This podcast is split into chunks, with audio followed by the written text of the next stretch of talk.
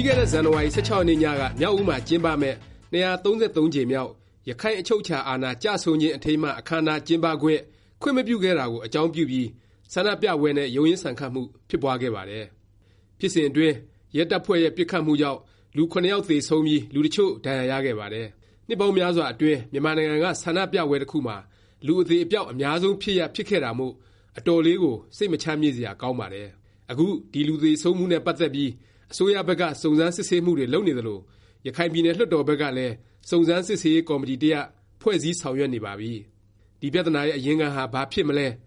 ပဋိပက္ခ ပြသနာပေါင်းစုံနဲ့ ဆူပွက်နေတဲ့ ရခိုင်ပြည်နယ်မှာ ခုလို ပြသနာမျိုး မဖြစ်အောင် ဘာတွေ လုပ်သင့်သလဲ ဆိုတာ ခုတစ်ပတ် လေ့လာ ဆွေးနွေးကြည့်ကြရအောင်ပါ။ပြသနာဖြစ်ရတဲ့ အကြောင်းရင်းကတော့ ထူးထူးခြားခြား မဟုတ်ပါဘူး။ကော်မတီ တစ်ခုကနေ ဇန်နဝါရီ ၁၆ ရက်နေ့ည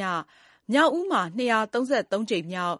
ရခိုင့်အချုပ်အခြာအာဏာကျဆုံးခြင်း အထိမ်းအမှတ်အခန်းအနားကျင်းပဖို့ စီစဉ်ပါတယ်။အဲဒီအခန်းအနားမှာ ပြည်သူ့လွှတ်တော်အမတ် ဒေါက်တာအေးမောင်နဲ့ စာရေးဆရာ ဝေဟင်အောင်တို့နှစ်ယောက် ဟောပြောဖို့ စီစဉ်ထားတယ်လို့လည်း သိရပါတယ်။ဒေါက်တာအေးမောင်နဲ့ စာရေးဆရာ ဝေဟင်အောင်တို့ဟာ မြောက်ဦးမှာ ပွဲကျင်းပမယ့်ရက် မတိုင်ခင် ရသေ့တောင်မြို့နယ်မှာ ဟောပြောခဲ့ပြီးပါပြီ။အာဏာပိုင်တွေဘက်ကတော့ ပွဲကျင်းပမယ့်နေရာဟာ နန်းတော်ရာကုန်းမှာမို့ ခွင့်ပြုချက်မပေးခဲ့ဘူးလို့ ဆိုပါတယ်။ ခွင့်ပြုချက်မပေးတဲ့ကိစ္စမှာ ဖော်ပြမထားပေမယ့် ဒေါက်တာအေးမောင်နဲ့ စာရေးဆရာ ဝေဟင်အောင်တို့နှစ်ယောက်ရဲ့ ရသေ့တောင်မြို့နယ်က ဟောပြောချက်နဲ့လည်း သက်ဆိုင်မယ်လို့ ခန့်မှန်းရပါတယ်။နောက်ပိုင်း အဲဒီဟောပြောချက်ကြောင့်ပဲ သူတို့နှစ်ယောက်ကို ဖမ်းဆီး၊တရားစွဲပြီး စစ်တွေ အကျဉ်းထောင် ပို့လိုက်ပါတယ်။သက်ဆိုင်ရာရဲ့ အဲလို ခွင့်ပြုချက် မပေးတာကို ပွဲကျင်းပတဲ့အဖွဲ့က အနယ်နယ် အရပ်ရပ်ကနေလာတဲ့ ရခိုင်ပြည်သူတွေကို အသိပေးပါတယ်။အဲဒီအခါမှာ ပွဲကို ပိတ်ပင်ရကောင်းလား၊ စာရေးဆရာ ဝေဟင်အောင်ကို ဖမ်းဆီးရကောင်းလားဆိုပြီး ဒေါသထွက် ဆန္ဒပြပွဲဖြစ်ခဲ့တယ်လို့ ဆိုပါတယ်။ဒါနဲ့ပတ်သက်ပြီး အာဏာပိုင်တွေဘက်ကတော့ ဆူပူဆန္ဒပြသူတွေကို ရဲလုပ်ထုံးလုပ်နည်းအတိုင်း အဆင့်ဆင့် ကိုင်တွယ်ဖြေရှင်းခဲ့တဲ့အကြောင်း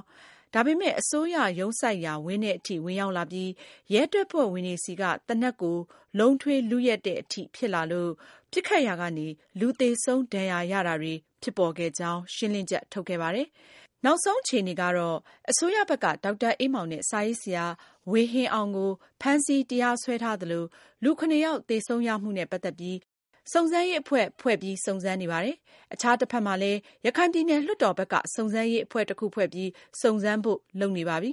။ဒီပြသနာနဲ့ ပတ်သက်ပြီး သက်ဆိုင်ရာ စုံစမ်းစစ်ဆေးမှု ရလာဒ်တွေ တရားဝင် ထွက်ပေါ်လာတာ မရှိသေးတော့ လူသေဆုံးရသည်အထိ ဖြစ်ခဲ့တာနဲ့ ပတ်သက်ပြီး ဘယ်သူမှန်တယ်၊ဘယ်သူမှားတယ် ယတိပြတ် မပြောနိုင်သေးပါဘူး။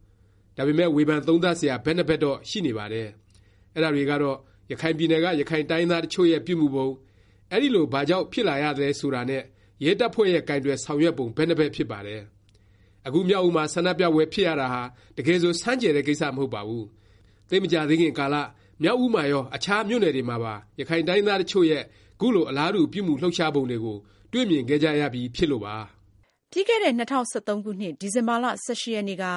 ရခိုင်ပြည်နယ် မြောက်ဦးမြို့က မြို့မိမြို့ဖ ဒေသခံတွေလို့ဆိုတဲ့ ကော်မတီတစ်ခုက နိုင်ငံတကာ အကူအညီပေးရေးအဖွဲ့တွေ၊အင်န်ဂျီအိုအဖွဲ့တွေ လိုက်နာရမယ့် အချက်တွေဆိုပြီး ကြေငြာချက်တစ်ခု ထုတ်ပါတယ်။အဲဒီအချက်တွေကို လိုက်နာဆောင်ရွက်ခြင်းမရှိရင် ဒီဇင်ဘာ၂၀ ရက်နေ့ နောက်ဆုံးထားပြီး မြို့နယ်ထဲက ထွက်သွားကြဖို့ တောင်းဆိုပါတယ်။ တောင်းဆိုချက်မှာ ပါတာတွေကို အကျဉ်းချုပ်ရရင် အကူအညီပေးရေးအဖွဲ့တွေအနေနဲ့ အဲဒီကော်မတီရဲ့ သတ်မှတ်ခွင့်ပြုချက်တွေအတိုင်းပဲ အလုပ်လုပ်ကြဖို့ပါ။မဖြစ်နိုင်တဲ့အချက်တွေများတော့အင်န်ဂျီအိုတွေက မလိုက်လျောနိုင်ကြပါဘူး။ဒီတောင်းဆိုချက်တွေကို လက်မခံတဲ့အင်န်ဂျီအိုတွေ၊အင်န်ဂျီအိုတွေကို ဟိုတယ်တွေကနေ လက်မခံဖို့ ထပ်ပြီး အကျပ်ကိုင်တောင်းဆို၊မရတော့ စီတန်းလှည့်လည် ဆန္ဒပြခဲ့တဲ့ သာဓက ရှိခဲ့ဖူးပါတယ်။ပြောရရင် အခုနှစ်ပိုင်းအတွင်း မြောက်ဦးမှာ အကျပ်ကိုင်လိုတဲ့၊ရန်လိုတဲ့ လှုပ်ရှားမှုတစ်ချို့ ရှိနေခဲ့ပြီးသား ဖြစ်ပါတယ်။အားလုံးသိကြပြီဖြစ်တဲ့အတိုင်း အဲဒီကာလက သံတွဲမှာ ရခိုင်တိုင်းရင်းသားတွေနဲ့ အစ္စလာမ်ဘာသာဝင် ကမန်တိုင်းရင်းသားတွေ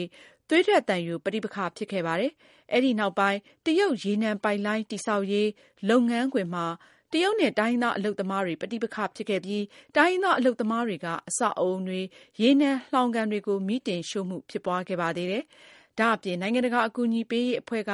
အမျိုးသမီးတစ်ယောက် သာသနာ့အလံကို ဖြုတ်ချပြီး မဖွယ်မရာ ပြုတယ်ဆိုတဲ့ ကောလဟလသတင်းထွက်ပေါ်လာပြီးနောက် ၂၀၁၄ ခုနှစ် မတ်လ ၂၆ ရက်နဲ့ ၂၇ ရက်နေ့တွေမှာ စစ်တွေက နိုင်ငံတကာ အကူအညီပေးရေး အဖွဲ့အစည်းတွေ ရုံးစိုက်ရာ တည်းခိုရာ၊အထောက်အကူ ပစ္စည်းသိုလှောင်ရာ နေအိမ်တွေ၊ရုံးခန်းတွေ၊ ဂိုဒေါင်တွေဟာ ရခိုင်တိုင်းရင်းသားတစ်ချို့ရဲ့ တိုက်ခိုက်ဖျက်ဆီးတာကို ခံရပါတယ်။နိုင်ငံတကာ အကူအညီပေးရေးအဖွဲ့ဝင်နိုင်ငံခြားသားတွေနဲ့ နိုင်ငံသားတွေကိုတော့ သက်ဆိုင်ရာက ဘေးလွတ်ရာ ရွှေ့ပြောင်းပြီး အကာအကွယ်ပေးကြရပါတယ်။တစ်ချို့ ရန်ကုန်ကို လေယာဉ်နဲ့ အသုတ်လိုက် ပြန်ပို့တာမျိုး လုပ်ကြရသည်အထိ ဖြစ်ခဲ့ဖူးပါတယ်။နောက်ပိုင်း ရခိုင်ပြည်နယ် မြို့နယ်အချို့မှာ ရခိုင်တိုင်းရင်းသားတစ်ချို့က ပြည်တွင်းပြည်ပ သတင်းမီဒီယာသမားတစ်ချို့ကို အုပ်စုနဲ့ ဝိုင်းဝန်းရန်ပြုဖို့ ကြိုးစားတာ၊ဘာသာပေါင်းစုံညီညွတ်ရေးအဖွဲ့ ရောက်လာချိန် ဝိုင်းဝန်းဆန္ဒပြ ရန်မူတာ စတာတွေ လုပ်ခဲ့ကြပါသေးတယ်။သိပ်မကြာသေးခင်တုန်းကပဲ စစ်တွေမှာ ဒုက္ခသည်စခန်းကနေ ဆိပ်ကမ်းဘက်ရောက်လာတဲ့ မူဆလင်တွေကို အုပ်စုဖွဲ့ ဝိုင်းဝန်းရိုက်နှက်ခဲ့ကြလို့ တစ်ယောက်သေ၊ကျန်သူအားလုံး အပြင်းအထန် ဒဏ်ရာရ ဖြစ်ခဲ့ပါသေးတယ်။ ဒါတင်မက မြန်မာနိုင်ငံ ကြက်ခြေနီအသင်းရဲ့ ကုန်တင်ယာဉ်ကို ရန်ပြုတာ၊စစ်တွေဆိပ်ကမ်းက အကူအညီပေးရေး ပစ္စည်းတွေတင်ထားတဲ့ သင်္ဘောကို ရန်ပြုလို့ ရဲတပ်ဖွဲ့က သေနတ်ပစ်ဖေါက် လူစုခွဲရတာတွေ ဖြစ်ခဲ့ပါသေးတယ်။ပြောရရင် လူစုလူဝေးနဲ့ ပဋိပက္ခဖြစ်ရတဲ့ ပြသနာဟာ ရခိုင်ပြည်နယ်မှာ မဆန်းပါဘူး။တကယ်တော့ ရခိုင်ပြည်နယ်က ရခိုင်တိုင်းရင်းသားတွေကို ဦးဆောင်နေတာ ရခိုင်နိုင်ငံရေးသမားတွေပါ။ရခိုင်တိုင်းရင်းသား တစ်ချို့ရဲ့ အဲလို အပြုအမူမျိုးကို မှားယွင်းတယ်လို့ ပြောတဲ့ ရခိုင်နိုင်ငံရေးသမား ဆိုတာလည်း မကြားမသိရပါဘူး။ဒါကြောင့်ရခိုင်တိုင်းရင်းသားတွေကိုဦးဆောင်နေတဲ့ရခိုင်နိုင်ငံရေးသမားတွေအနေနဲ့ကိုယ့်ရခိုင်လူမျိုးတစ်ချို့ဘာကြောင့်ခုလိုအပြုအမူမျိုးထပ်တလဲလဲပြုမူနေရသလဲအဖြေရှာသင့်ပါတယ်။ဒါဟာလမ်းလွဲနေသလား၊လမ်းမှန်လား၊နိုင်ငံရေးသမားတွေရဲ့ဦးဆောင်မှုဘာတွေချို့ယွင်းနေသလဲစသဖြင့်သုံးသပ်သင့်ပါတယ်။အခြားတစ်ဖက်မှာတော့ရဲတပ်ဖွဲ့ဘက်ကလည်းခုလိုလူစုလူဝေးနဲ့ဆန္ဒပြမှုဖြစ်စေ၊အကြမ်းဖက်မှုပါလာသည်ဖြစ်စေ၊လူယောက်သေဆုံးသည်အထိပစ်ခတ်မှုဖြစ်သင့်သလားဆိုတာ အသေအခြာပြန်ဆန်းစစ်ဖို့ပြုပြင်ဖို့လိုနေပြီဖြစ်ကြောင်းပါ